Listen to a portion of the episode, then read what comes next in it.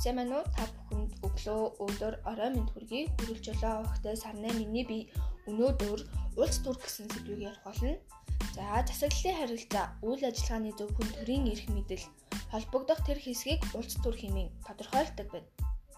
Улс төрийн шийдвэрийн гол шинжүүд нь зөрчилтэй байх, шийдвэрлэх арга хэрэгсэлтэй байх, ерөнхий чиглэлийг заах бодлоготой байх, нийгмийн гишүүд томоохон бүлгийг хамрах хэрэгтэй байх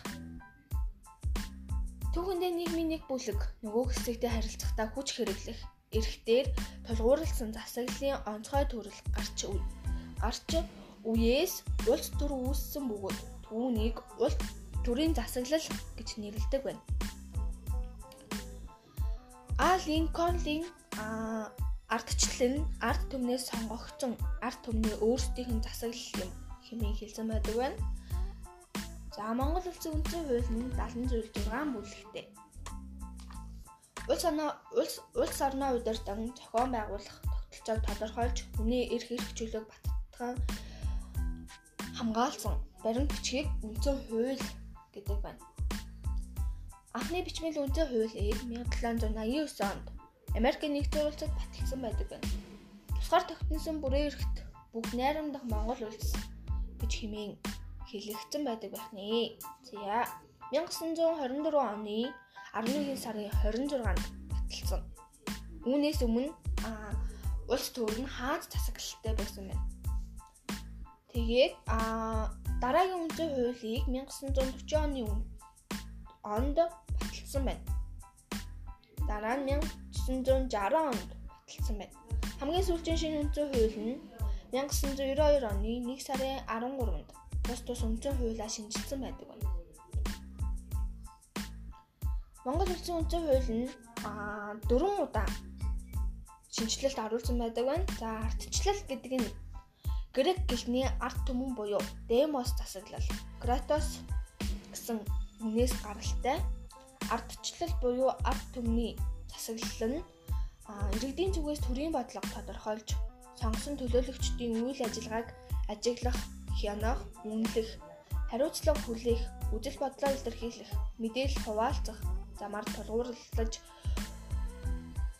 асуудлыг шийдэхэд чиглүүлэх, хуулийн мэрэгжилтнийг хянах, талаар санал солилцох, ихтгэл хүлээлгэх зэрэг иргэдийн оролцоог олон арга замыг нээж өгсөн байна.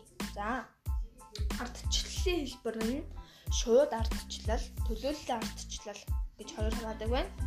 Ардчлалын зарчим гэдэг нь дэлхийн улс төмөн ардчилсан төр засагтай байхын тулд ардчлалын суур зарчмуудаа тодорхойлсон байдаг байна.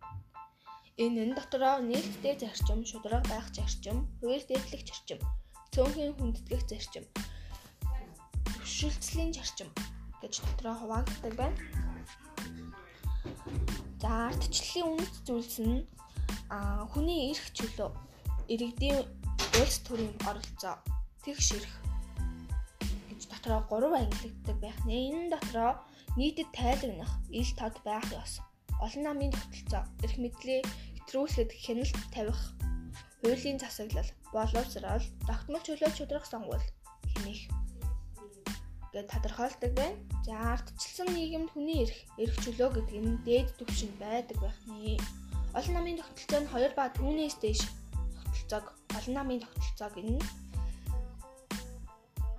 За Д Стон улс төрийн шинжлэх ухаанд системийн онолыг оролт гаралт, эргэх холбоо, хуваарлалт, орчин гэсэн таван алхмаар төрийн бодлого боловсруулдаг гэж үзсэн байна. За, иргэний нийгмийн тухай ойлголт бүр эртний грек ромын үед үүссэн. Иргэний нийгэм гэсэн үг нь латин хэлний civilis буюу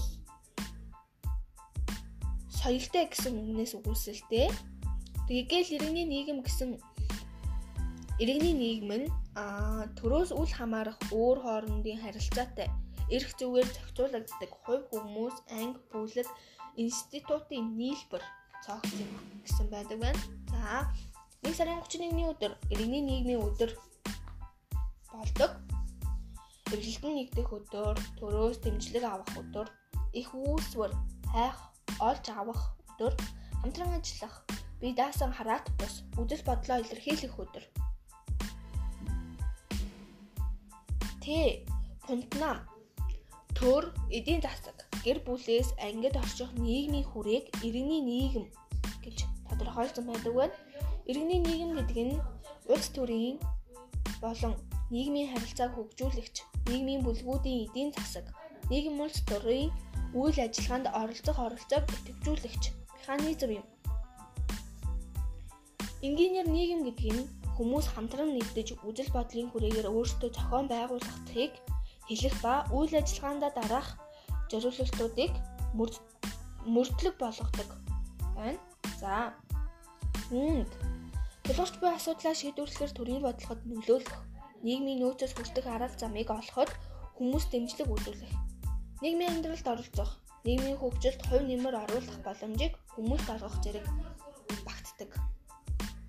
Иргэний нийгмийн төлөвшлийн төрийн бодлогын хүрээ дотроо дөрөв байдаг байна. Эдийн засгийн хүрээнд капитал мөнгө санхүү ордог. Нийгмийн хүрээнд нийгэм буюу хүмүүсийн социал ордог байна. Оюун санааны хүрээнд хүмүүсийн соёл ордог байна. Улс төрийн хүрээнд элитийн давхарга ордог байна. За сонгуул гэдэг ойлголт нь сонгох, сонгогдох гэсэн хоёр үйл үгийг агуулсан байна. За санал хараат явуулах замаар улс төрийн сонголт хийхийг сонгуул гин. Сонгуулийн үр дүнд ямар бүлэг бий болох вэ? Улс төрийн нам. Сонгуул бол ард түмэн өөрсдөө төрийг удирдах зохион байгуулалтын арга хэлбэр юм. Сонгуул 2 ба түүнээс дэш тооны нэр дэвшигч улс төрийн нам. Эвсэлсэн иргэн хүн Тэгш хэрэгтэйгээр сонголтоо өөрийн биеэр чөлөөтэй хийж үр дүн нь шууд гардаг улс төрийн сонгуулийг сонголтыг сонгуул гэнэ. Сонгуулийн эрх нь сонгох эрх, сонгогдох эрх гэж хоёр хуваагддаг байна. Сонгох сонгох эрх нь 2 ба түүнээс дэш нэр дэвшигч эсвэл улс төрийн намаа намаас сонголт хийх иргэний эрхийг сонгох эрх гэх юм.